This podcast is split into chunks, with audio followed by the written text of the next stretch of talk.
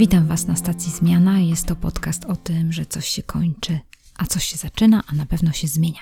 Nazywam się Kasia Michałowska i zapraszam Was dzisiaj do wysłuchania pewnej inspiracji, którą nazywam KTIP, czyli takim miejscem, gdzie dzielę się albo przeczytaną książką, albo jakimś odkryciem, albo jakimiś osobistymi rzeczami. Więc dzisiaj mnie troszeczkę posłuchacie przez kilka minut, może kilkanaście, zobaczymy. Słuchajcie, powiem Wam tak, że byłam w wielu organizacjach i wielu pracach, ale również byłam zaangażowana w wiele, wiele projektów, albo podejmowałam się sama czegoś, i jest coś we mnie takiego, że na pewno wezmę na siebie jakąś odpowiedzialność. Jeżeli jest jakiś zakres jakiegoś projektu, który nikt nie chce podjąć, albo trzeba by było coś zrobić, to myślę sobie, no dobra, trzeba zrobić, to robię. I powiem Wam, że kiedy byłam w takich e, zwyczajnych organizacjach, między innymi związanych z moim wykształceniem, no bo najpierw pierwsze moje takie zawodowe doświadczenia to były w firmach raczej przemysłowa, albo jakaś firma związana z niskimi napięciami, albo z wyższymi napięciami. W każdym razie na początku właśnie tak zawsze słyszałam o tym, Kaśka, no przestań, jeny, ty to jesteś po prostu taka strasznie zaangażowana, za bardzo się przejmujesz i powiem Wam szczerze, że w tych pierwszych pracach uczyłam się tego, żeby nie być zaangażowana, nie wiem jak to powiedzieć, ale po prostu, żeby uczyć się nie wychodzić przed szereg, nie za bardzo zaangażowywać, bo to i tak jest lidera odpowiedzialność, że przecież to jest lidera, to i tak na, spadnie na tą osobę, która jest liderem, albo różne tego typu rzeczy słyszałam. Ale powiem Wam szczerze, że nie, nie oduczyłam się tego, żeby być taką osobą, która się nie angażuje. Ja po prostu inaczej nie potrafię. No taka jestem dziwna, że, że żeby żebym pracowała dobrze, żebym pracowała w taki sposób dobrze jakościowo, to przede wszystkim dla mnie ważna jest misja, wartości też organizacji, gdzie one zmierzają, jaki jest cel. I ja po prostu myślę tym celem i myślę sobie, aha, czyli to jest cel, na przykład, no nie wiem, tam jakaś sprzedaż, żeby marka była znana albo y, coś innego i, wtedy cała się angażuję w to, co mam zrobić. Czyli po prostu, no nie wiem, jestem takim świrem, jeżeli chodzi o to zaangażowanie, że już jak złapię to, no to bardzo y, jestem tak w pełni i szukam roz, różnych rozwiązań i tak naprawdę to nie zważam na to, czy, czy lider mi to każe, czy nie. Często też generuję jakieś własne pomysły albo pokazuję, że może tak, można było osiągnąć ten cel, czy, czy siak. Ale powiem Wam szczerze, że w takich wypadkach trudno jest y, wtedy, jeżeli lider tego nie rozumie, jeżeli on na przykład nie rozumie, że to mogłoby być dobrym rozwiązaniem, albo też jest moja wina często, bo ja też nie umiem czasami opowiedzieć dobrze, zrobić takiej dobrej prezentacji, dlatego też często, jak wiecie, w tych tipach zachęcam Was, do, żeby mm, się bardziej przyłożyć do tej komunikacji, żeby powiedzieć więcej, bo jeżeli się ma jakiś pomysł na lepsze wdrożenie albo rozwiązanie, albo wykorzystanie zasobów ludzkich, jeżeli ma się taki analityczny umysł i tam coś się wykmini i też się widzi na przykład coś bardziej z dołu, to wtedy jest tak, że się więcej widzi i ma się lepsze pomysły. I w każdym razie, żeby to przedstawić ludziom, którzy są w jakimś menedżmencie, no to trzeba się przyłożyć, żeby właśnie im jakoś to powiedzieć, że to może być jakieś fajne wdrożenie, jakaś fajna zmiana. No i to się udaje czasami, a czasami się nie udaje. Wiecie często dlaczego, bo są różne po prostu takie ograniczenia hierarchiczne, które często w naszych firmach y, są. No po prostu na przykład, bo naprawdę czujemy, że nie realizujemy celu firmy, ale realizujemy na przykład cele naszego lidera, który jest w naszym zespole. I kiedy na przykład spotykamy się gdzieś na jakimś szerszym gronie i zaczynamy słyszeć o jakichś celach organizacji albo firmy, no to sobie zdajemy sprawę, że my nie realizujemy tych ogólnych celów, tylko jakieś jednostkowe cele. I jest to trochę takie mm, niefajne. Czasami nawet się rozmijamy z misją firmy albo organizacją, że to jest niekoniecznie to. I to powoduje, że tak naprawdę nasza firma nie jest taka zwinna, czy nie jest taka odporna na te zmiany rynkowe, ze względu na to, że, że po prostu ta struktura hierarchiczna powoduje, że zanim ten lider załapie o co nam chodzi, o to, że tak naprawdę świat się zmienia, bo ktoś lepiej wie, bo gdzieś tam węszy, myszkuje i ma lepszy dostęp do, tego, do tych zmian, które się dzieją na przykład wśród klientów albo wśród naszych firmach konkurencyjnych, no to wtedy okazuje się, że lider, zanim to wykmini, zanim to zrozumie, no to już minie trochę czasu i czasami nawet to już jest za późno, żeby coś zmienić. Więc w każdym razie ja to tak widzę. Niektórzy ludzie wolą by funkcjonować w tej strukturze hierarchicznej, bo po prostu uważają, że przyjdą, odsiedzą te 8 godzin na spokojnie, to nie jest ich odpowiedzialność, umieją po prostu tą odpowiedzialność jakoś przyjąć tylko jako swoją, no i po prostu wyjść i mieć wolną głowę. Ja taka nie jestem, zawsze jestem pełna zaangażowania i przejęcia się i nawet kiedy na przykład jestem czy doradcą, czy mentorem, to ujeny bardzo się przejmuję tą daną osobą czy sytuacją. Oczywiście w granicach normy, bo to nie jest jakieś tam szaleństwo, ale w każdym razie chodzi mi o to, że, że naprawdę z całych sił na pewno ktoś poczuje ode mnie zaangażowanie i chęć jakiejś pomocy czy rozwiązania problemu. W każdym razie, czym się chciałam podzielić dzisiaj? Otóż, tak jak e, tytuł naszego odcinka jest holakracja, no to właśnie słuchajcie, ostatnio w jakiś sposób Kolejny raz usłyszałam o tym i na początku pomyślałam sobie, że to jest po prostu jakaś utopia totalna, że to w ogóle jest jakiś kosmos, ale powiem Wam szczerze, że drugi raz usłyszałam o tym i znowu zaczęłam się nad tym zastanawiać, wróciłam do tematu i zaczęłam myśleć, czy to przypadkiem nie pasuje do mnie. I słuchajcie, odkryłam to, że że jeżeli tak by było, że ktoś by mnie zaprosił do takiej organizacji albo firmy, która by była zbudowana według struktury samoorganizacji albo holakracji, bo to tak się nazywa, no to ja bym do tego pasowała. Oczywiście jedną z rzeczy, którą taka też struktura by pomogła mi w mojej słabości, ze względu na to, że niestety jestem słaba w tym, żeby nie brać na siebie więcej odpowiedzialności niż jestem w stanie unieść i, jak jestem taka zaangażowana, to często jest tak, że jeżeli lider zobaczy to i doceni, no to wtedy dostaje coraz więcej, coraz więcej, coraz więcej do mojego zakresu odpowiedzialności. A jeżeli chodzi o halokrację, a zaraz Wam o tym powiem i pewnie, mm, gdy pierwszy raz o tym usłyszycie, to to pomyślicie sobie, że to jest utopia, tak jak ja i w zupełności Was rozumiem, ale może kiedyś drugi raz usłyszycie o tym i, i zaczniecie się zastanawiać tak jak ja, więc zupełnie tutaj zostawiam Wam sferę dowolności, ale w każdym razie, jeżeli chodzi o zakres obowiązków halokracji, to jest on betonowy w cudzysłowie, nie betonowy, jest elastyczny, ale się go bardzo przestrzega. Że na przykład, jeżeli ktoś ma jakiś zakres obowiązków, to on tylko zajmuje się tym, co ma wpisane w zakres obowiązków, a jeżeli trzeba zmienić ten zakres obowiązków, to on jest też gremialnie zmieniany i tutaj się y, w jakiś sposób rozmawia z zespołem i zastanawia, co tam dopisać albo co wyrzucić, jak to powinno wyglądać.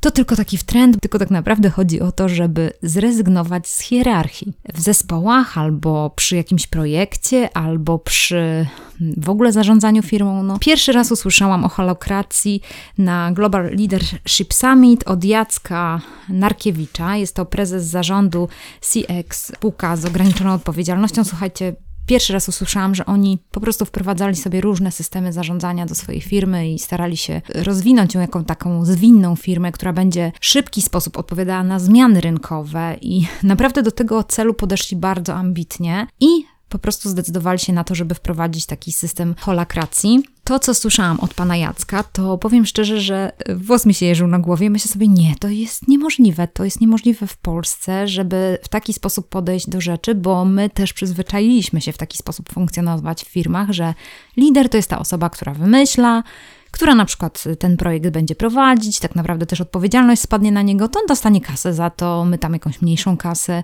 więc my po prostu w jakiś sposób tak się usadawiamy, tak troszeczkę jak dzieci w stosunku do rodziców, że nie jesteśmy samodzielni, że nawet może jak mamy jakiś dobry pomysł, to zazwyczaj tam się w nas toczy taka wewnętrzna dyskusja, że nie, nie, nie, po co będę się wychylał, po co będę tutaj wychodził przez szereg, po co będę tutaj jakoś robił aferę.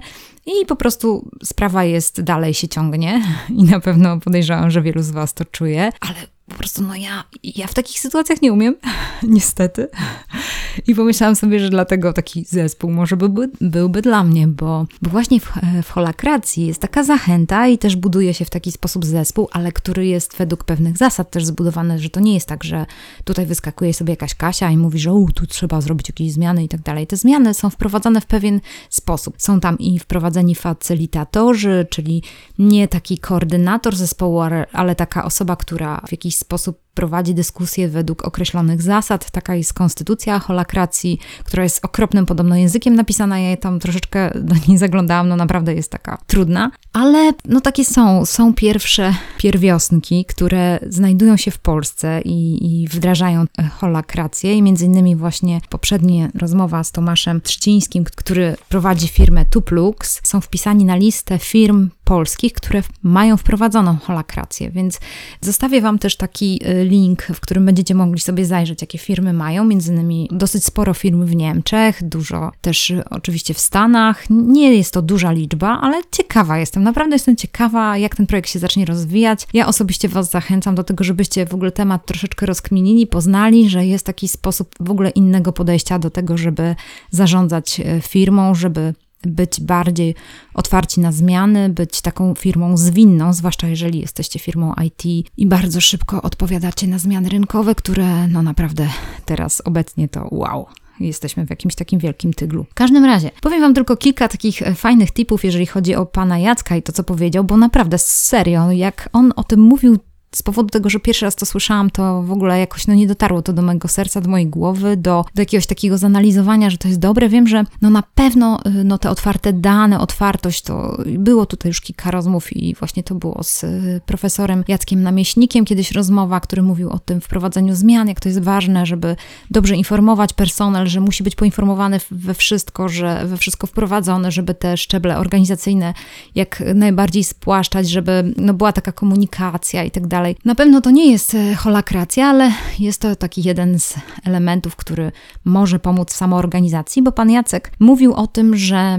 jak wprowadzamy do organizacji holokrację, to warto jest też zrobić to, może spróbować najpierw w jakichś mniejszych e, segmentach albo w mniejszych, może w projekcie, może w jakiejś grupie, może w jakimś innym sposobie organizacyjnym i zaraz Wam powiem o kilku pomysłach od pana Jacka, ale jeszcze zanim to zrobię, to myślałam o takiej jednej rzeczy, którą on opowiadał, że na przykład jedną z rzeczy, którą robią, to nie zatrudniają HR-owców do tego, żeby ludzi przyjmować do firmy, tylko po prostu proponują, żeby ktoś przez krótki czas popracował z, z, zespołem i wtedy zespół decyduje, kto będzie pracownikiem tej firmy. Bardzo ciekawe, zastanawiające, jak to wygląda czasowo i tak dalej, czy ludzie są chętni, czy niechętni, ale ciekawe to jest, że można w ogóle podejść w inny sposób, tak jakby oddolnie, dlatego że przecież zazwyczaj jest tak, że HR-owiec nam kogoś wybiera i daje do zespołu. No i nie zawsze zespół no, przyjmie tą osobę, czy nie. To jest zawsze wyzwanie, jak teraz lider ma tą osobę wdrożyć do zespołu, zawsze te wdrożenie do zespołu, żeby on się tam integrował, żeby znalazł te swoje zadania. To wszystko zawsze leży gdzieś tam na liderze zespołu. A tutaj jest tak, że właśnie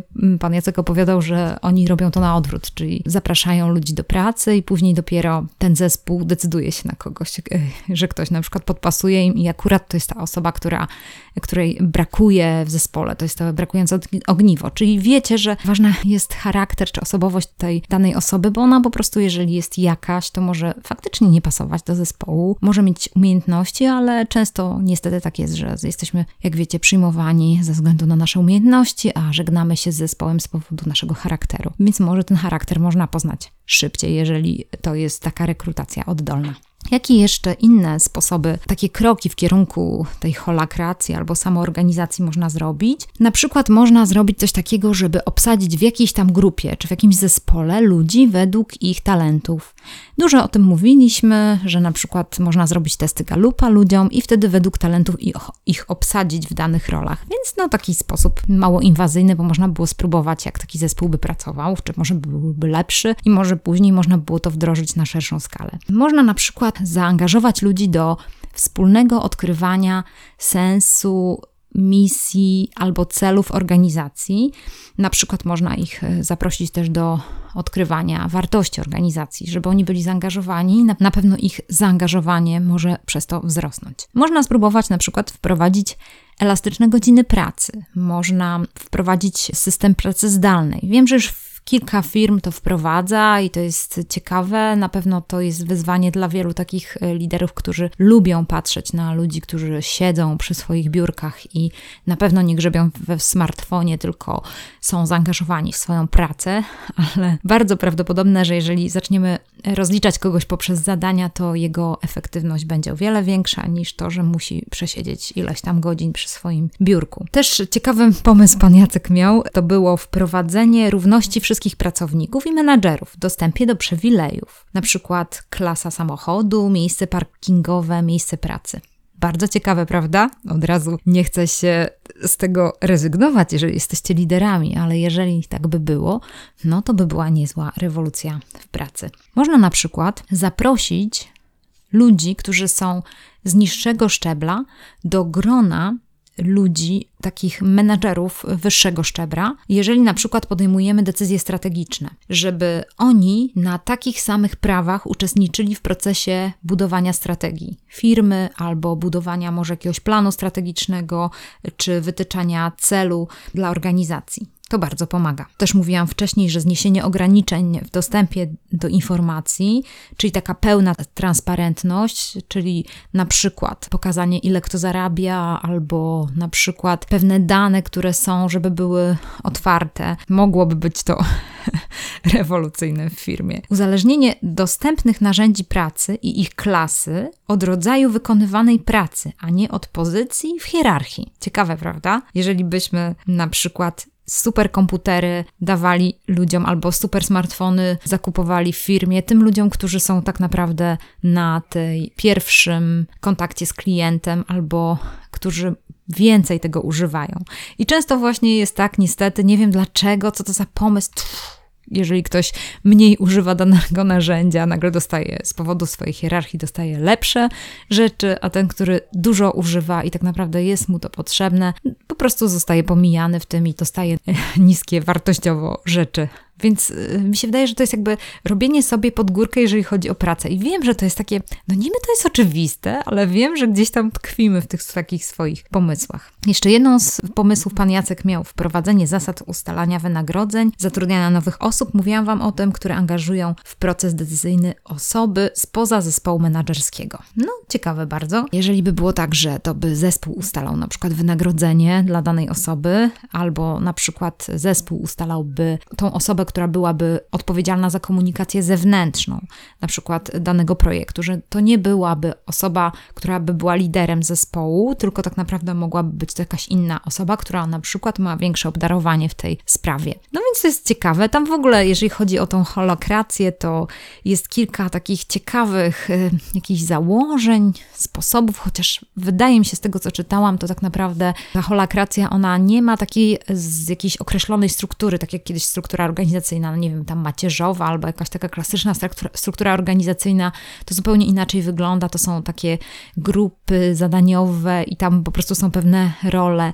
I też Wam zostawiłam linka, jeżeli byście chcieli to poznać, to, to można by było też to zrobić. Ale słuchajcie, tak naprawdę, no miałam tylko, jakby, no wiem, że to patrzę przez siebie i przez to, jaką jestem osobą i, i to, że mm, no zawsze dla mnie to tak naprawdę no nie jest ważne, czy ja, czy ja jestem właścicielem tej, tej firmy, czy, czy tak naprawdę ktoś inny, bo no mam w głowie taki większy cel, w sensie takim, że i tak to wszystko idzie do takiego jakby wspólnego wora i tak naprawdę to, jeżeli my dobrze pracujemy w wielu, wielu firmach, to też tak samo i też y, nasz kraj się bogaci, nasza gospodarka i ogólnie nam wszystkim będzie lepiej. Wiem, że ludzie tak nie mają, że nie myślą w taki sposób, ale wydaje mi się, że może tak też być, że z powodu tego, co powiedziałam na początku, tego hierarchicznego podejścia, tego, że po prostu tak wyłączamy tę własną samokontrolę, też tą zrezygnujemy z samodzielności, zniewalamy się w pracy, że tak naprawdę to powoduje, że, że tak naprawdę e, nasze firmy nie rozwijają się i nie stają się lepsze, bardziej konkurencyjne na rynku. Zachęcam Was do tego, żebyście się zastanowili, no też w procesie zmiany, jeżeli się znajdujecie w procesie zmiany, to też zachęcam Was do tego, żebyście się zastanowili właśnie, jak, jak lubicie też pracować, czy bardziej w hierarchii, czy bardziej by Wam odpowiadało coś takiego, żebyście byli bardziej zaangażowani, że Wasze zdanie by było wzięte pod uwagę, na przykład przy wynagrodzeniach albo na przykład rozdawaniu sprzętu, dla kogo lepszy, dla kogo mniej, ale ze względu na to, jak ta osoba by używała tego, no ciekawi mnie to bardzo, jaką, jakimi też jesteście osobami, czy, czy to właśnie w ogóle jakoś Was inspiruje, to co mówię. A tak poza tym, to powiem Wam, że ostatni odcinek puszczę po tym, który będzie w tym całym zgiełku infoszerowym. I później jeszcze mm, po infoszerze umówiłam się już w cichości hotelu, więc będzie milej dla ucha z Glorią. Ona jest instagramerką, pracuje dla Brand24, ale również e, szkoli z Instagrama i troszeczkę rozmawiałam o takim osobistym rozwoju, jak ona to wymyśliła, że wiecie, jak to jest, że ona pracuje w firmie jakiejś, a też realizuje tą swoją pasję i jest osobą, która szkoli z Instagrama i rozkminia różne rzeczy. A później jeszcze rozmawiałam o turkusowych firmach, więc zanim, widzicie, zanim będzie rozmowa o turkusowych firmach, rozmawiałam z Adamem Matysiakiem, on też prowadzi takiego vloga turkusowy prezent prezes. Więc Was zachęcam do tego, żebyście sobie tam poskrolowali, a ja godzinę, no prawie z hakiem porozmawialiśmy, więc będzie mi ciężko pociąć tę rozmowę, ale mam nadzieję, że, że przygotuję ją, żebyście mieli no, taką radość ze słuchania. A później mam następną kobietę, niesamowitą, Agnieszka Kaczor, aktorka, córka Kazimierza Kaczora. To taki znany aktor dla osób, zwłaszcza, którzy są trochę w starszym wieku, będą go kojarzyć. Zagrał w wielu, wielu znanych filmach, Ziemia Nieobiecana, Potop i tak dalej, Człowiek z marmuru. Przeróżne, przeróżne filmy, ale w każdym razie Agnieszka Kaczor 30 lat była w Teatrze Muzycznym w Gdyni. Zagrała chyba wszystkie role, które tam można było zagrać. I słuchajcie, rezygnuje, odchodzi. Więc naprawdę taka rozmowa na rozdrożu i ona się teraz rozstaje z tym teatrem, też szuka jakiegoś miejsca dla siebie. Jeżeli jesteście na stacji zmiana, jeżeli na przykład skończyliście swoją pracę w jakimś miejscu i pracowaliście długo, to wyobrażacie sobie, co ta osoba musi przechodzić, co Agnieszka musi przechodzić, że tak długo właściwie teatr, o którym mówi, że był jej pierwszym domem, opuszcza. Więc no dużo fajnych rozmów czeka na nas. Jeszcze mam milion pomysłów oczywiście do tego, żeby nagrać jeszcze inne rozmowy, więc będziemy cały czas mieli ciekawe rzeczy na stacji Zmiana. Jeżeli macie oczywiście też pomysły dla mnie, to wysyłajcie je z chęcią zawsze. Je realizuję. Między innymi nie byłoby tej rozmowy z Irkiem Osińskim, gdyby ktoś mi jej nie podpowiedział, nie poznał mnie z Irkiem, więc naprawdę to było super. Bardzo dziękuję i pozdrawiam Was serdecznie. Życzę Wam dobrego poniedziałku. No i oczywiście nie tak